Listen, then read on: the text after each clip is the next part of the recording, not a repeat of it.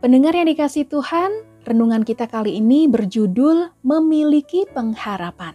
Yang bacaannya diambil dari Ibrani pasal 6 ayat 13 sampai 20. Sebab ketika Allah memberikan janjinya kepada Abraham, ia bersumpah demi dirinya sendiri, karena tidak ada orang yang lebih tinggi daripadanya. Katanya, sesungguhnya aku akan memberkati engkau berlimpah-limpah dan akan membuat engkau sangat banyak. Abraham menanti dengan sabar, dan dengan demikian ia memperoleh apa yang dijanjikan kepadanya. Sebab manusia bersumpah demi orang yang lebih tinggi, dan sumpah itu menjadi suatu pengokohan baginya yang mengakhiri segala bantahan. Karena itu, untuk lebih meyakinkan mereka yang berhak menerima janji itu akan kepastian putusannya, Allah telah mengikat dirinya dengan sumpah, supaya oleh dua kenyataan yang tidak berubah-ubah tentang mana Allah tidak mungkin berdusta, kita yang mencari perlindungan beroleh dorongan yang kuat untuk menjangkau pengharapan yang terletak di depan kita. Pengharapan itu adalah sauh yang kuat dan aman bagi jiwa kita yang telah dilabuhkan sampai ke belakang tabir, di mana Yesus telah masuk sebagai perintis bagi kita ketika ia, menurut peraturan Melkisedek, menjadi imam besar sampai selama-lamanya.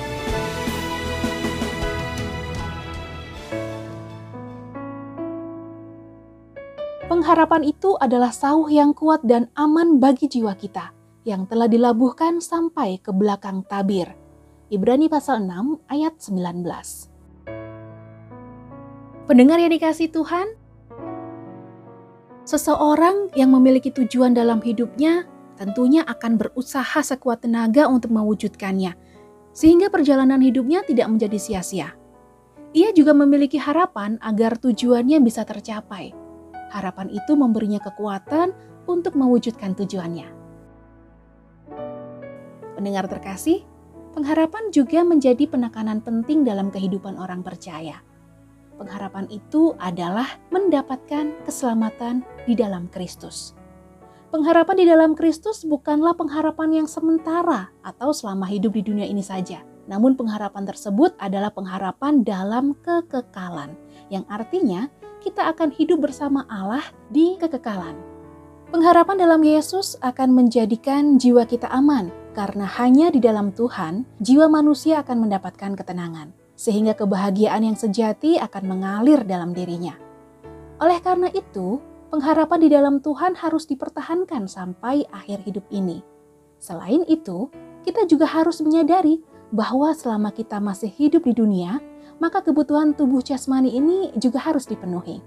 Dan dalam hal inilah, akhirnya sering kali pengharapan orang percaya di dalam Tuhan menjadi kabur, nilainya diturunkan dan bahkan hilang.